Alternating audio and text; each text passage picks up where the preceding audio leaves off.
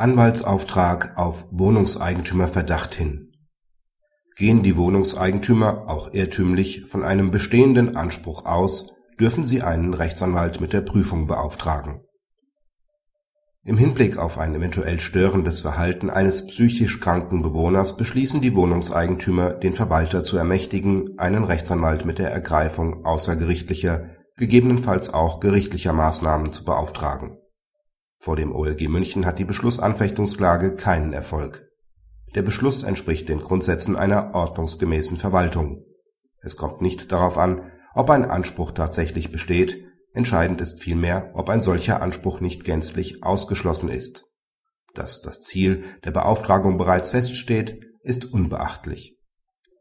Praxishinweis Der Entscheidung ist zuzustimmen die gegenteilige Auffassung hätte zur Folge, dass den Wohnungseigentümern als juristischen Laien bereits im Zeitpunkt ihrer Beschlussfassung eine juristische Prüfung abverlangt würde.